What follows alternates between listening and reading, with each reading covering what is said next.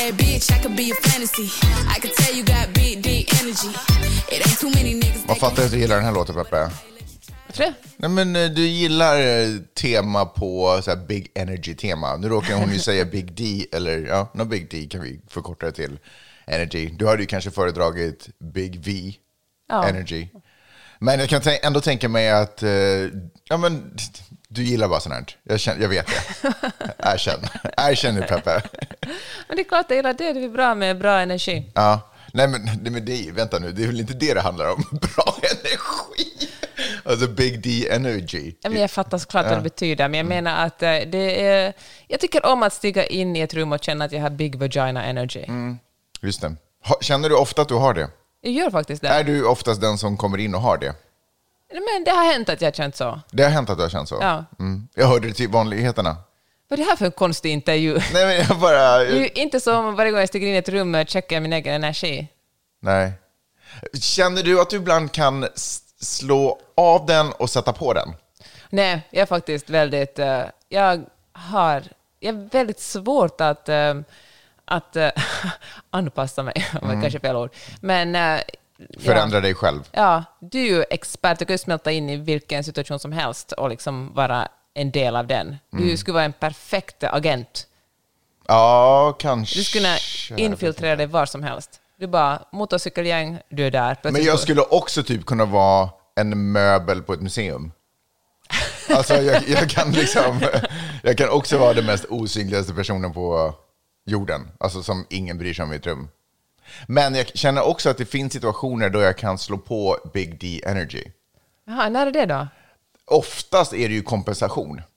eh, För eh, sådär, känner mig lite osäker på vad det är för... eh, Nej, men du vet, såhär, Big D Energy, det kan ju vara... Du vet, man är på, det, såhär, det kan ju komma från två olika vinklar. Det kan ju vara, jag har haft världens bästa dag, så att jag kan inte låta bli och bara gå omkring och swinga min D. Ja, Förstår du? För att det bara... Det går inte att fälla in kan den. relatera. Det går inte att fälla in den. Den är bara där. Liksom, för, att, för att det har hänt fantastiska saker. Eh, men sen kan det ju också vara typ så här... Eh, kanske ska på ett businessmöte. Eh, och det är viktigt att de känner att jag har självförtroende nog att lösa det här problemet. Mm, jag fattar. Och då kanske jag kan... Då kanske jag inte... Då är den ju inte naturlig Big D Energy, utan då har jag ju pumpat upp mig själv för den. Om du förstår vad jag Jag menar. förstår precis vad du menar. Men hör du, för, ju- ja, för, okej. mig,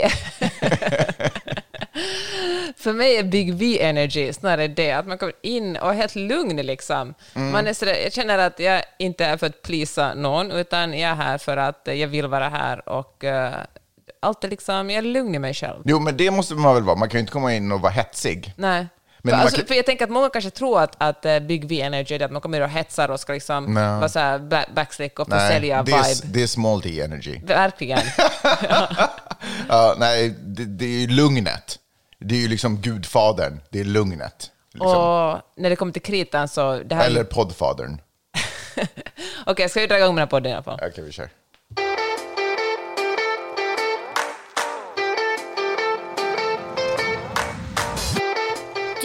Lyssnar på Magnus och Peppes podcast.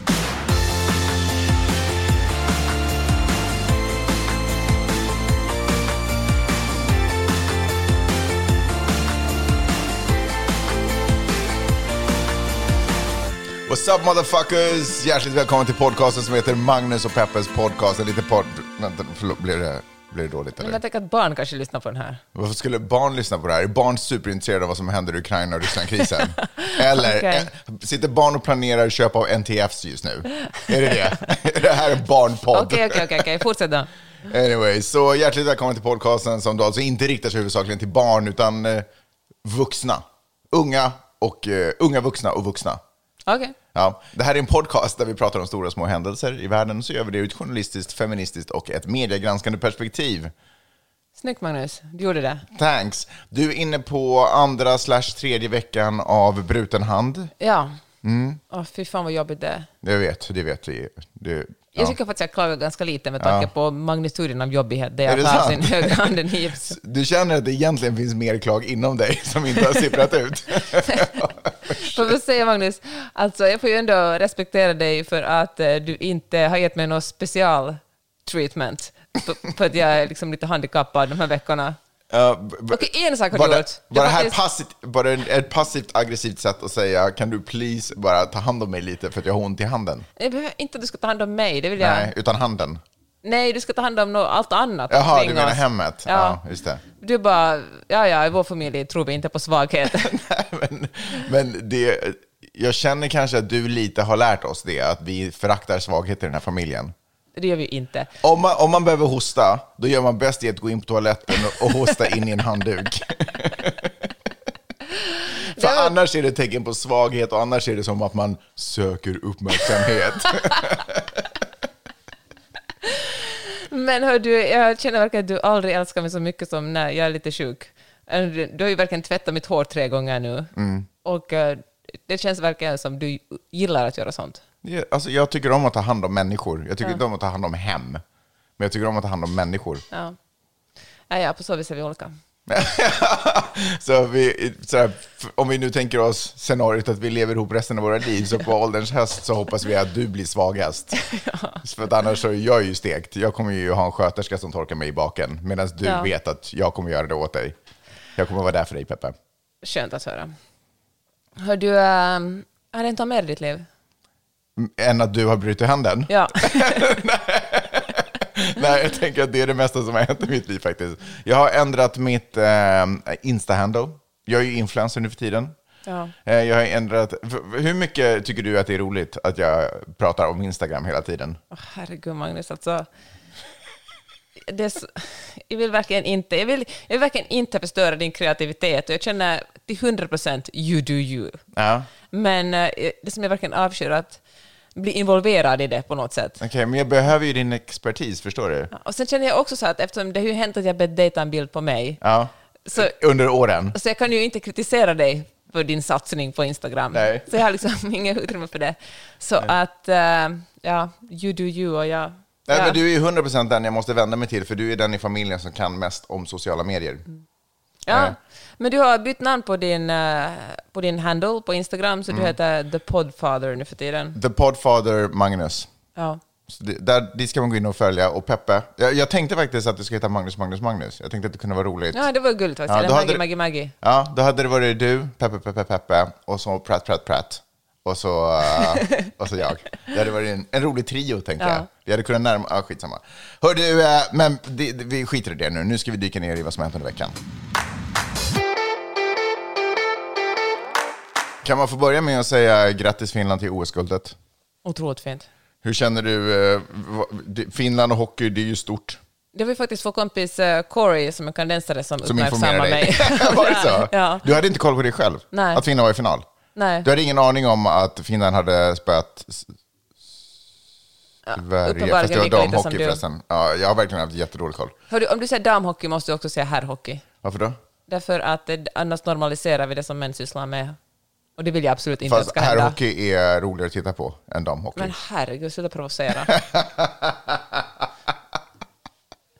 Okej, så herrarnas herrhockey vann. Ja, herrarna. herrarnas herrhockey vann. Bra. Ja, men det är ju superroligt för Finland. Jag tänker alla sådana här saker gör det, gör det gott för Finlands självförtroende. Mm. Och jag unnar verkligen Finland att festa på gatorna. 100 procent. Har det festats på gatorna? Jag har faktiskt Ja. missat de rubrikerna. Det är klart att man ska vara och, och är man i Helsingfors ska man ner till Havis Amanda och, och, och bada i den fontänen. Eh, så, så 100 procent. Jag tycker att det är superroligt. Jag är ju, ehm, jag är ju alltid klassad som svensk bland folk som inte är svenskar. Mm. Så folk är ju alltid så här, åh, Sverige åkte på stryk. Och jag orkar inte riktigt förklara för dem att jag verkligen inte bryr mig eh, att Sverige åkte på stryk. För Men, att ja. mitt, när det kommer till hockey så ligger mitt hjärta i Finland. Är det sant det? Ja.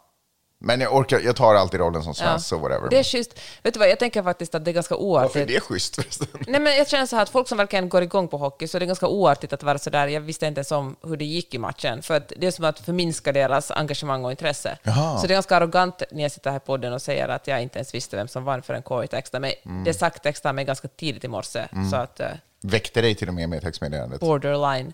Men uh, överhuvudtaget tycker jag det är fult att vara förminskad. Alltså om någon går igång på någonting känner jag precis som med ditt Instagram, you do you, och jag försöker liksom men uppmuntra alla sorters intressen. fine, men jag kan bli väldigt provocerad av hur mycket utrymme det får i journalistisk media, sporten. Ja, OS. verkligen. Jag tycker inte att det är liksom, det är inte, eh, vad säger man, alltså det står inte I proportion. i proportion till hur viktigt det är eller andra saker som har hänt på jorden. Liksom. Är det förresten inte intressant att varje gång man säger så här sport är inte så viktigt, då är folk som är jätteengagerade i sport säger de ja men sport är jätteviktigt, det bygger broar och påverkar politik. Och sen när man säger att okej, men alltså det sitter en miljon uigurer i, i koncentrationsläger Mm. i Kina, då säger de "Ä, ä, ä, sport har ingenting med politik att göra, låt oss vår, göra vår sportgrej. Med det sagt, får jag vara sjukt ignorant och säga att var det inte typ en uigur eller något sånt som tände Kinas eh, bål? OS-eld? Men får man väl säga så här, too little too late, alltså de sitter fortfarande miljoner inte- människor i koncentrationsläger. Du menar att det eliminerar inte allt annat som händer? Nej, men jag tänker att att, en, att en dude får gå och tända en eld? Nej, Sådär, alltså vissa kanske kan argumentera för det, men jag tycker inte att det kompenserar. Nej, det är klart att det inte kompenserar, men det är ändå en ICU. Eller är det, lite, är det, för, eller är det, är, det, är det ett spel för omvärlden kanske? Hur, på vilket nej, sätt är jag tar det? Tillbaka. Jag tar Alltså- tillbaka det, Peppe. Peppe! Lugna dig, jag tar tillbaka det. Nej, men jag tar verkligen tillbaka det. Jag tycker att OS-spelen är ett sjukt hyckleri. Vet du vad, jag skulle också vilja prata om det där. För att eh, varenda OS, var fjärde år, så kommer ju diskussionen att ska man blanda ihop sport och politik? Eller vartannat till och med, inte vartannat år vinter, sant, vartannat. sant i och för sig. Och jag vet vad, jag fattar det, för frågan ställs oftast direkt till eh, idrottare. Hur kan du tänka dig att, hur kan du göra det här? Eller hur ser du på det här? Eller har du nog, har du några betänkligheter kring att åka till exempel då till Kina nu när det är ett laddat land som OS hålls i också? Eh, och då är det klart att om en, om en individ får frågan, en individ som har offrat ganska mycket för att bli superbra på att åka skidor, springa snabbt. Så då förstår, alltså jag kan tycka att det är, en, det är en orättvis fråga delvis riktad till den individen som vars enda hopp om liksom, kanske försörjning eller du vet, inte vet jag, få någon form av eh, uppmärksamhet för den tiden som man har lagt ner är kanske en medalj i OS. Och om den personen då, när det äntligen kommer till den, när de här tidpunkterna möts, att den personen har fått in åldern och, och skickligheten att kunna medverka i de här evenemangen och evenemanget, eh, och, så, och helt plötsligt kan man tacka nej till det. Så jag förstår, att, jag tycker att det är en ganska orättvis fråga. Det jag undrar är varför de här diskussionerna inte verkar ha förekommit kanske i yngre åldrar, i föreningar rent av. Dels, och varför är det ingen som överhuvudtaget ifrågasätter OS, liksom hela, hur man väljer värdar för de här grejerna.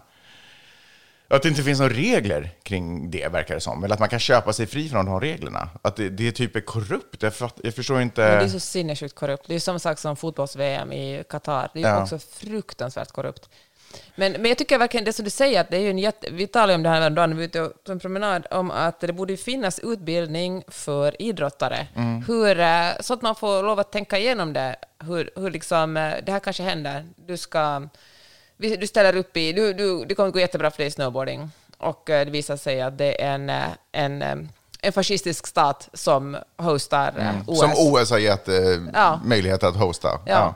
Hur, eh, nu diskuterar vi filosofi, ideologi, Ja. hur hanterar vi det? Och jag tycker fortfarande som du säger att det inte ska vara den enskilda individen, utan kanske till och med liksom på någon slags landslagsnivå snackar man om det. 100 procent, men jag tycker ju att det är klart att den enskilda viden- individen under sin karriär måste ha tagit, precis som man mediatränas också antar jag, på en viss nivå, så måste man vid något tillfälle åtminstone konfronteras med de här frågorna. Vad händer om du blir sjukt duktig och du står inför möjligheten att, eh, att tävla för ett guld, för du är på den nivån. Men problemet är att landet du ska tävla i är en diktatur. Vad gör du? Alltså de frågorna måste man ju ha funderat på.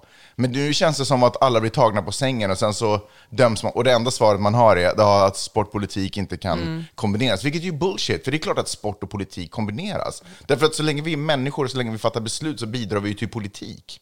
Men gud, ja. Alltså det är ju politiska frågor allting vi gör. Man tror att politik är det som sker i riksdagen. Nej, där sker liksom lagar. Där skapar beslutsfattande. Där är de lagar. Baserat på den politik vi utövar i samhället. Hur vi lever.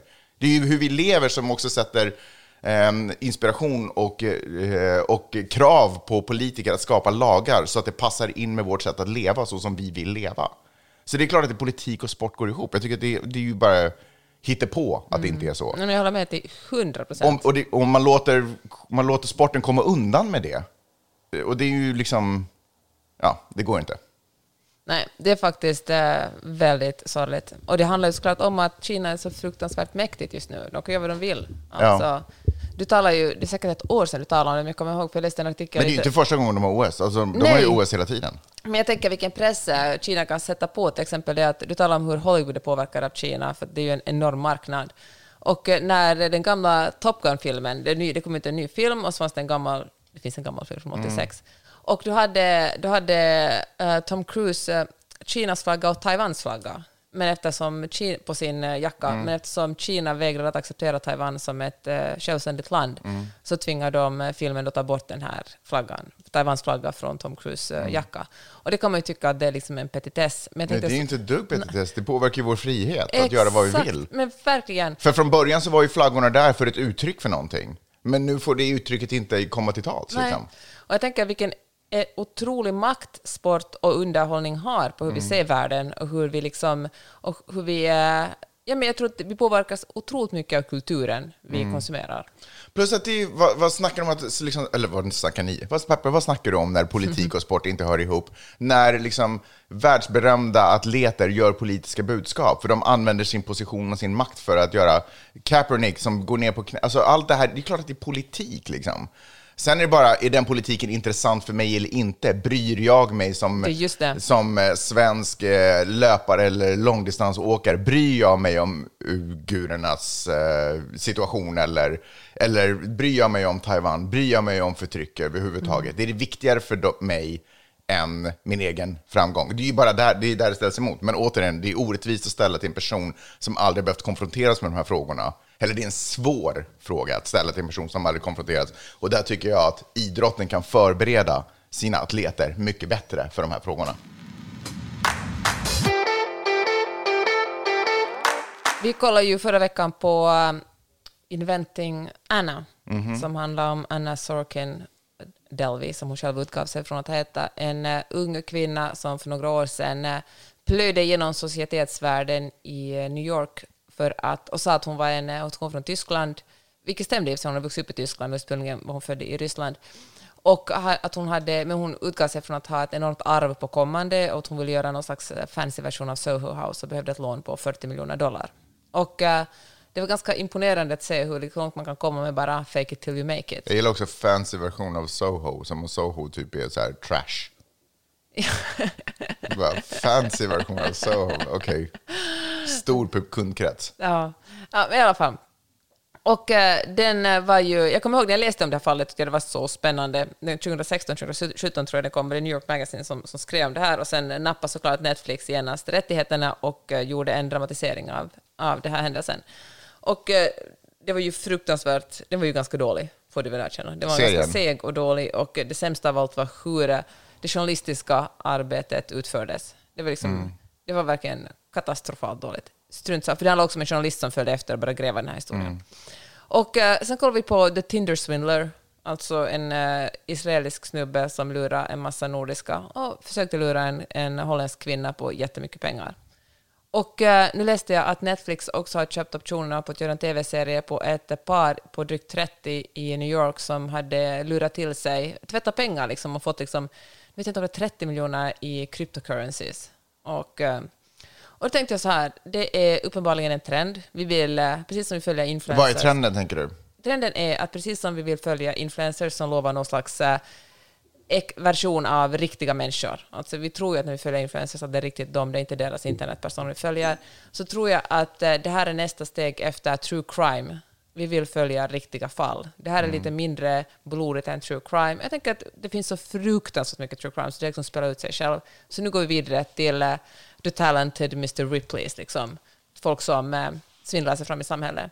Och jag tror att det är, handlar mycket om skvaller, vi fascineras av det här och vi känner oss lite bättre när vi ser på det eftersom vi känner att han, jag skulle aldrig gå på det där. Jag skulle aldrig bli lurad av en Anna Delvey, jag skulle aldrig bli lurad av Tindersvindlaren. Jag är smartare, jag är bättre. Jag tror att det finns, det är en av, av eh, poängerna i den. Ja, precis, för det är ju också det är ju blodlösa eh, brottsoffer, eller vad man ska säga.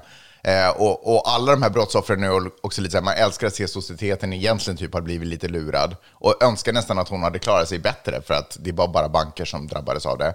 Och de här, och eh, Israel, den här, vad fan, Tindersvindlaren, då var det också så här, ah, det är dumma tjejer som går på, hur kan man låta sina känslor eh, bara svepas iväg och ge, ta så här mycket pengar? Det gör ju ingen vettig människa. Att det är lite så här, haha, kolla vad dumma de är. man känner sig överlägsen. Ja. Ja, jag tror det är en orsak till de är så populära.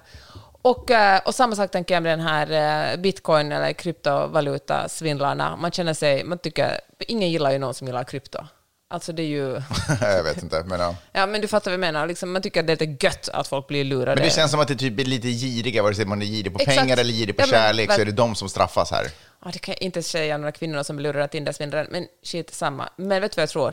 Jag tror att det är en orsak Okej, att titta vänta, på förlåt, det. vadå, kan du inte, kan, tycker du inte det? Jag tycker inte att det är rätt av dem, jag tycker faktiskt synd om dem. Det är klart att det inte är rätt, men det är väl inte rätt åt någon som blir lurad? Men en liksom. bank kan, vi, man kan man ändå tänka sådär, eller societeten i New York som har så jävla mycket pengar, att jag tycker det är liksom, att det, den, hon, alltså jag tycker att hon verkar otroligt osympatisk, Anna Delvey, och jag tycker det är otroligt osympatiskt att försöka bli en kändis, kosta vad det kostar vill. Fast ingen av dem hon dealade med var sympatiska heller, så... Nej. Nej, men jag menar det. Det, Alltså, var ju de samma ja. skrot och korn hela fucking Ja. gänget. Men i den här, i den här um, Tinder-svindlaren, nu fick man ju bara för, se, var det två eller tre personer Mm. som, åtminstone en av dem var ju, alltså, ja, men alltså vem hoppar på ett flyg direkt man har sett? Alltså jag vet inte, det är ju ändå, det är ju naivt beteende. Alltså, ja, jag vet inte. men alltså, naiv och liksom tro på kärleken tycker jag är en annan sak än att vara... För jag tänker så att den här Nej, men det menar jag att man hårdrar att hon var girig på kärlek, hon ville så jättegärna bli kär. Jag följer inte med den. Jag håller inte Okej, med liksom den kopplingen. Men jag tänker att, att, svindla, att svindla folk på pengar i New York societetsvärld och banker, Förstås. det handlar om någon slags... eh, Man ställer, det är kritik mot klassamhället, att det finns åt frukt, 0,2 procent av alla som bor i USA är hemlösa. Mm. Kolla upp, för jag vill tala om hemlöshet. Alltså, folk har sån, det finns sån misär i det här landet och så har folk så sinnessjukt mycket pengar. Men är inte det vad Tindersvindlaren handlar också om, klassamhället? För Nej. det var ju inte rika kvinnor som, som han tog. Nej men precis. Det var ju de som ville kliva, klättra i, i Ja, klass. så jag tycker synd om dem. De ville ha kärleken, de ville vara ihop med någon. Det var de som ville liksom, alltså de, han lurade dem emotionellt. Alltså sen kan man tycka vad man Mm. Vill om ja. smarta eller inte smartare med, men att jag på något sätt har en större, jag känner en större empati för dem i alla Fair fall. enough. Skitsamma. Men det jag vill komma till är att jag tror också att alla de här tv-serierna, eftersom ingen blir riktigt straffad på slutet. Den Mm. här Tinder-svindlaren, han är ju fan stor på TikTok och Instagram och han läste någonstans att han ska få göra en dating-show. Och uh, Anna Delvey, hon hävdar ju fortfarande, hon sitter och för sig nu, hon, hennes visum gick ut så de vill deportera henne till Tyskland, men hon vägrar och försöker som kämpa mot det. Men hon kommer ju också att bli någon slags Instagram-kändis. Alltså, det, ingen av de här blir riktigt eh, straffade, utan eh, man kommer ut som vinnare på andra sidan, också på grund av att det görs tv-serier om en, och folk skriver mycket om en. Så jag tror att Mm. Men det är ju också för att de får... Undra fan inte... Okej, jag vet, jag, du sa det här med att Tindersvindlaren skulle ha... Men han... Men det, det programmet måste ju vara typ någonstans i Israel. Jag har väldigt svårt att se att det ska bli en populär show på Netflix. Shit, alltså, han, han är ju ganska Ja. inte så omtyckt. Okej. Hon kan ändå ses som en hjälte. Det Det, finns är- någon liten, lite Robin Hood över henne. Okej. Det som vill säga att jag tror att det är stor inspiration för många. Just det, okej. Jag tror att det här kommer att leda till att folk är sådär att jaha, så här kan man också göra. Och, Att utföra brott blir Ja. karriärsväg, liksom. ja, det är ju det på många sätt. Man gör Men jag brott. det är en inspiration. Också det här paret som, som tvättar cryptocurrency. Hon var en misslyckad rappare. Han hade jobbat någon gång i Silicon Valley och det kanske inte gått super, super bra för honom. Och man tänker om de här typerna fixar det, så let's go alltså. Mm. Ja, men... Ja, men... Nej. Alltså, ja, kanske. Jag vet inte. Det är inte så lätta brott de ändå har utfört, får man väl ändå säga. Nu med facit i handen, så ja. Men ändå var... Nej, jag säger inte det, men jag, tror faktiskt det blir inspiration. Mm, ja. ja, vi får se. Tänkte snacka lite om konst. Förra veckan så snackade vi om NTFs och att, NFTs. NFTs och att eh, jag hade läst en artikel om eh, att bitcoin-miljonärer, eller, eller också folk som har varit intresserade av konst och som har investerat mycket i NTFs. NFTs. Oh, Jesus Christ, NFTs. eller byter du nu bara varenda gång jag säger för att jag- förvirra mig? Det var det att jag kan säga det. Är det- att det, är det- jag har, det här är någonting som inte är helt nytt för mig. Nej, okej. Men att de eh, har börjat investera i riktig konst. Ja. Mm. Alltså som man fysiskt, nu sa jag igen riktig konst, men jag menar fysisk konst som man kan hänga på väggarna. Picasso, de köper en Picasso nu för 20 miljoner. Det en skulptur eller liksom någonting? Exakt. Ehm, och ehm, Jag eh, har bara tänkt m- mer på det här och läst mer om det och det känns inte så fräscht eh, längre. Jag, alltså, vi pratade om det också förra veckan, om pressen som det sätter på mig när man ser hur folk promotar att de just har köpt det här är ju att det är egentligen tillgängligt för, tillgängligt för mig att också göra det. Dels för att handelsplatsen är precis på samma ställe där jag ser den här reklamen eller där jag ser det här glada budskapet av någon som är lycklig för att den har köpt det. Ehm, så jag får lite den här, shit, jag borde gå in och kolla. Och jag gjorde det faktiskt också. Jag gick in och kollade vad det kostar. Jag bara, ah, fan, det är ju typ inom budget, jag skulle kunna göra det. Men samtidigt så, det är någonting, det blir någonting fel. För det första så, om man älskar konst och vill göra saker och ting, köpa konst, så, och investera i konst, så är oftast råd man får, precis som jag sa förra veckan, att investera i sånt som du tycker om. För det är det som troligtvis, jag menar om inte annat så har du någonting du tycker om hängandes på väggen. Liksom. Men allt det här verkar bara handla om liksom pengar och själva investeringen. Och själva konsten och uttrycket ligger liksom lite i bakgrunden. Och när, när de här sakerna promotas på sociala medier, att någon eller något företag har investerat i de här sakerna, så blir mer känslan av att åh, du har gjort det här, jag borde göra det här. FOMO. Ja, och då förstår jag att om vi båda gör det här så stiger ju också värdet. För nu är det plötsligt dubbelt så många som är intresserade av det här eh, verket. Och då blir det ju ett pyramidspel mer. Därför att om jag gör det här på grund av att jag har blivit uppmanad så kommer jag vilja göra samma sak, driva upp värdet så att jag också tjänar en hacka och då driver jag upp det till mina följare som i sin tur måste driva upp det till sina följare. Och snart har vi inga följare mer att driva upp det till och då dör värdet. Och vid det här laget, så någon som var med först går och köper riktig konst. Och då menar jag riktig konst. Nej men alltså verkligen jag konst med budskap. Det är svårt det här med, eh, det är svårt med konst. Men jag tänker så här, NFTs ett argument liksom i början, eh, det började bli stort Mm. för kanske ett år sedan. Nu kommer någon säkert att korrigera mig och sagt att det här var stort mycket längre. Men jag tänker då börjar liksom Spridas till me- gemene Ja. man. Men då var ju redan alla inne på det som, ville tjäna, som kunde tjäna de stora pengarna. Då var Gwyneth Paltrow redan där. Var eller- hon det? Jag tror att Paris Hilton, och liksom, jag kom först lite senare, men, Ja, hon, men de har ju så stor. Mm. följarskara ändå, så det har ingen skillnad för dem. De kan komma in ganska sent och ändå nå jättemycket människor.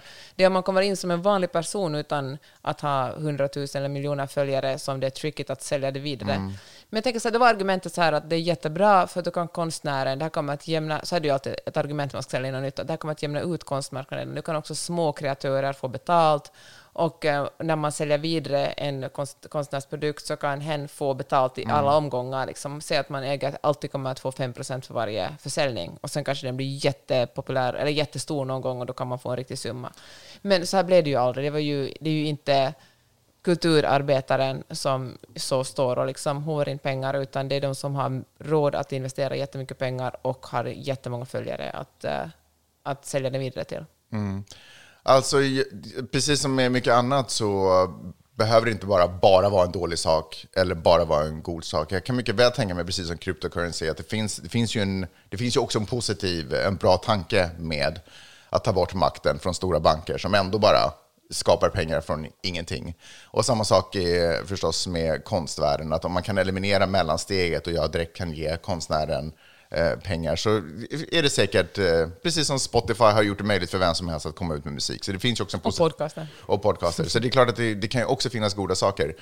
Men eh, jag tycker att det är liksom ett sätt att utarma konst och det konstnärliga uttrycket när det bara handlar om vad som kan förvandlas till mycket, mycket mer pengar. Jag tycker bara att det är liksom, jag tycker att det är ledsamt och, inte så inspirerande. Jag håller med. Det är ju också en, eh, faktiskt var det på Fox News som jag, som jag läste det, en eh, diskussion om eh, rap, hiphop. Det här är på ett annat tema egentligen, det här har ingenting om digitalisering. Men hiphop och hur, eh, hur det är, hur fan ska jag beskriva det? Men alltså hiphopen är ju inte känd för att ha kanske det bästa språket och traditionellt riktar sig, alltså man ser ner på kvinnor, det är misogyni, och eh, homofobi, eh, det är våldsbejakande och sådär. Och då var liksom diskussionen, nu är det här Fox News, så det är förstås klart lite konservativt, eller det är en konservativ vinkel, ingångsvinkel på det här, så då är liksom diskussionen, borde av, liksom, av allting man försöker stänga ner, varför försöker man inte stänga ner hiphopen liksom på Spotify? Varför får... Varför söker man stänga ner då till exempel? Nej, men inte vet jag, det fanns säkert bra exempel på... Eh, på Nej, men okej, det var mest en retorisk fråga, för jag tänker att det där är ett väldigt starkt argument ofta, cancel culture, nu stänger vi ner grejer. Men de enda som försöker stänga ner någonting verkligen konkret i det här landet är ju republikanerna som förbjuder böcker i skolor. jag vet, förbjuder... 100 procent. Men om vi lämnar den diskussionen bara, för att jag, jag tycker att, att eh, för att det, finns en, alltså, det finns ju en poäng. Det är ju inte... Det hjälper ju inte med, alltså våldsbejakande hjälper ju inte en positiv utveckling i samhället. Alltså en del av skjutningar i Sverige, till exempel med rapartister, bottnar ju oundvikligt i liksom den, den musikgenren och den musikstilen. Och det finns en musikgenre, eller en genre, och hiphopen är dessutom den absolut största musikgenren just nu i USA. Eh, så den har störst inflytande liksom, av alla genrer. Och eh, det finns en, det finns liksom en, en subgenre eh, inom hiphopen som kallas för drill music, som egentligen bara handlar om, drill är liksom en, eh, eh, eh, handlar, alltså kulor som alltså, borrar sig in i människors kroppar. Så det är liksom... Alltså det är den sortens musik. Och, och det är ju bara liksom våld och sådär.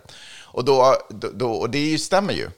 Och det stämmer ju att det är så. Men samtidigt så, man kan ju man kan ju inte förbjuda den stilen som också är en, eh, ett konstnärligt uttryck och som också har lyft upp väldigt många svarta människors situation. Och ett konstnärligt uttryck för dem den gruppen i samhället eh, samtidigt som det inte heller gör saker och ting så mycket bättre. Alltså det, förstår du vad jag menar? Nu Det är måste jag, svårt. mm, mm, jag håller faktiskt inte med dig om det där. Alltså jag tycker att hiphop, eller jag håller med om att hiphop är misogynt och det är våldsbejakande, men lika lite som tv-spel leder till våld, eller som filmer leder till våld, våld eller att man lyssnar på radio leder till våld, tror jag att man kan skylla hiphopen för att Varför, leda tro, till varför våld. menar du att tv-spel inte skulle leda till våld? Det är klart att tv-spel leder, leder våld.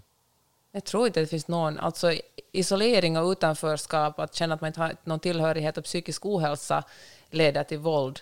Jag tror inte att det finns något bevis på att tv-spel leder till våld. Jag tror det är någonting som eh, det snackades mycket om på typ 80 och 90-talet. Men det Mm. Och alla slog inte- bort det. Men det är klart att det är klart att den sortens våld som vi ser i samhället är inspirerad av tv-spel och musik och kultur. Nej, jag tror faktiskt inte det. Jag tror Ja. inte det finns någon, men det, alltså, vi får bara kolla upp det där, men jag tror inte det finns någon forskning som visar det.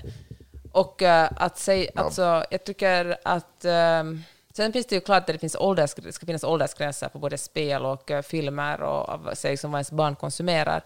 Men jag tror det är viktigare att vi ser på, håller liksom, men, kollar att det är bra stämning, alltså att ingen är ensam, ingen liksom håller sig utanför, att, få, att liksom man ser, vi ser varandra som människor, än att bestämma att vi tar bort en vissa spel eller vissa, en viss sorts musik eller en viss sorts filmer.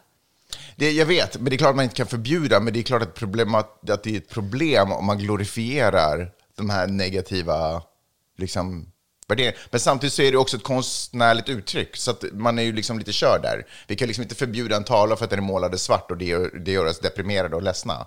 För det är ju konstnärens uttryckssätt. Men eh, man måste ju ändå lyfta upp, man måste ju också låta, vet du vad, så här.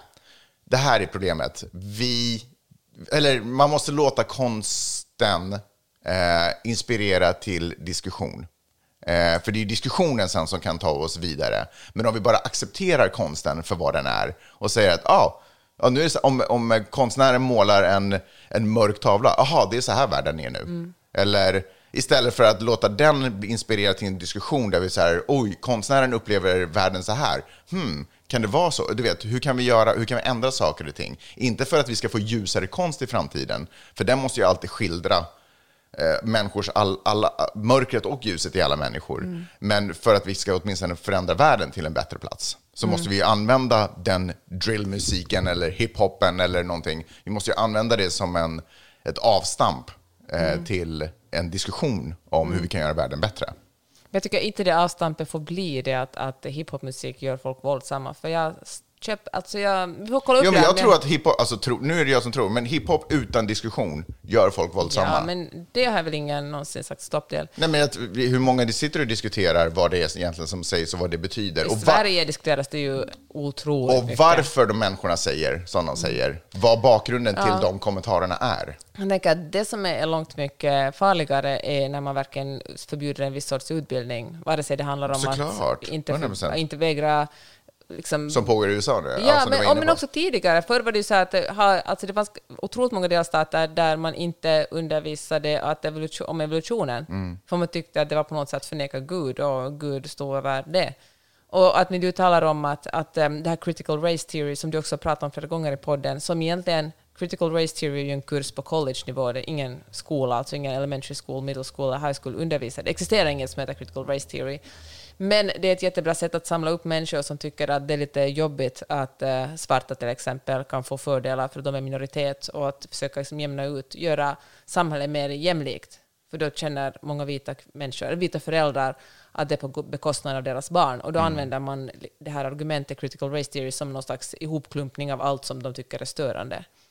Och eh, jag tänkte på det, speciellt på det här för att eh, just nu håller ju polisen på att eh, luckra upp en demonstration av lastbilsförare, lastbilsförare i Kanada, i Ottawa men också lite vid gränsen till USA. Och då är liksom en, en minoritet av lastbilschaufförerna inte vaccinerade och, och kanadensiska staten sa att om man åker över gränsen från, med sina lastbilar till USA då måste man ha, vara vaccinerad. Och då började lastbilschaufförerna demonstrera. Och eh, den här, eh, och det, och det är jättebra, alltså det är ett väldigt effektivt sätt. Alltså en demonstration till fots kan man liksom ganska, skingra ganska snabbt. Men det är inte sådär bara att, att transportera bort liksom Nej. lastbilar. Och eh, körde in i Ottawa och 40 000 elefanter står på gatan. Man men bara, verkligen. eh. Och, eh, och råmar, eller vad elefanter gör, för de här lastbilschaufförerna tutar ju också hela tiden. Och eh, det är ju ganska kallt där, men fan, de, är ju, alltså, de har kylskåp och sängar och toaletter och allt finns ju liksom i lastbilen. De kan verkligen kampa hur länge som helst. Ja.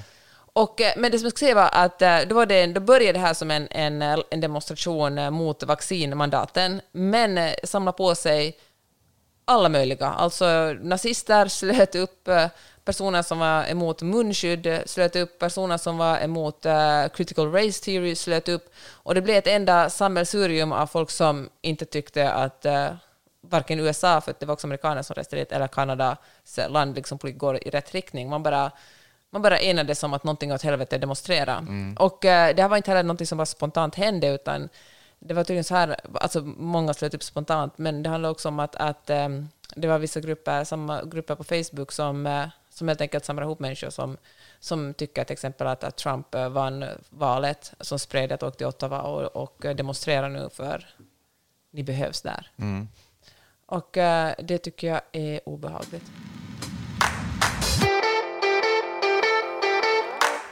Jag har hittat en annan kortis också, som också handlar om amerikansk politik. Det är en NPR-artikel jag läste som handlar om att amerikaner inte bara befinner sig i så här, eh, bubblor, eller här säger man echo chambers. Jag tycker att så här, ekokammare är nästan ännu bättre än att snacka om bubblor. Rent eh, på internet, där algorit algoritmer på något sätt skjutsar in en med bara likasinnade, utan det sker faktiskt rent fysiskt nu. Folk Eco Chamber låter ju väldigt miljövänligt i och för sig. ja.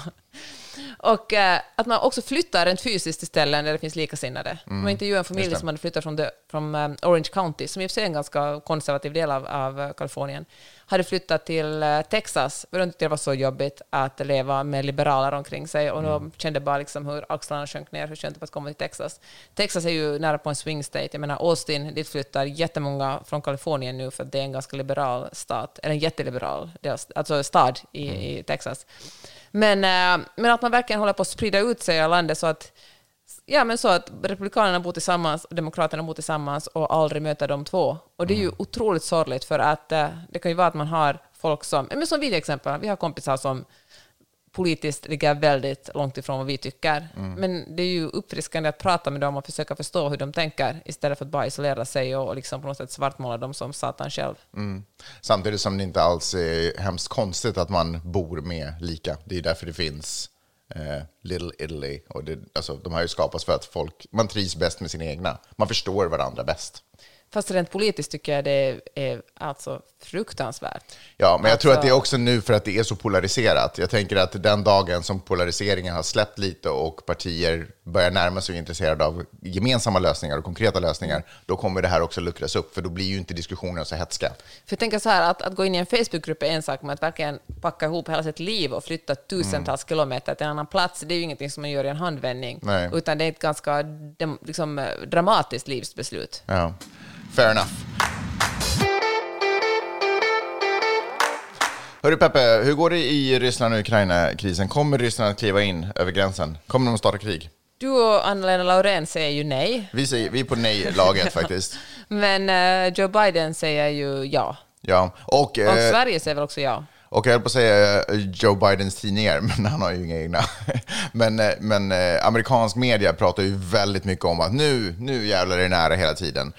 Det, jag får en väldigt stark känsla när jag, när jag läser amerikanska tidningar, slash, nej, alltså när jag läser en amerikansk tidning, att eh, USA USA försöker, har nu en öppning att pressa stor, många nationer till att gå med i NATO.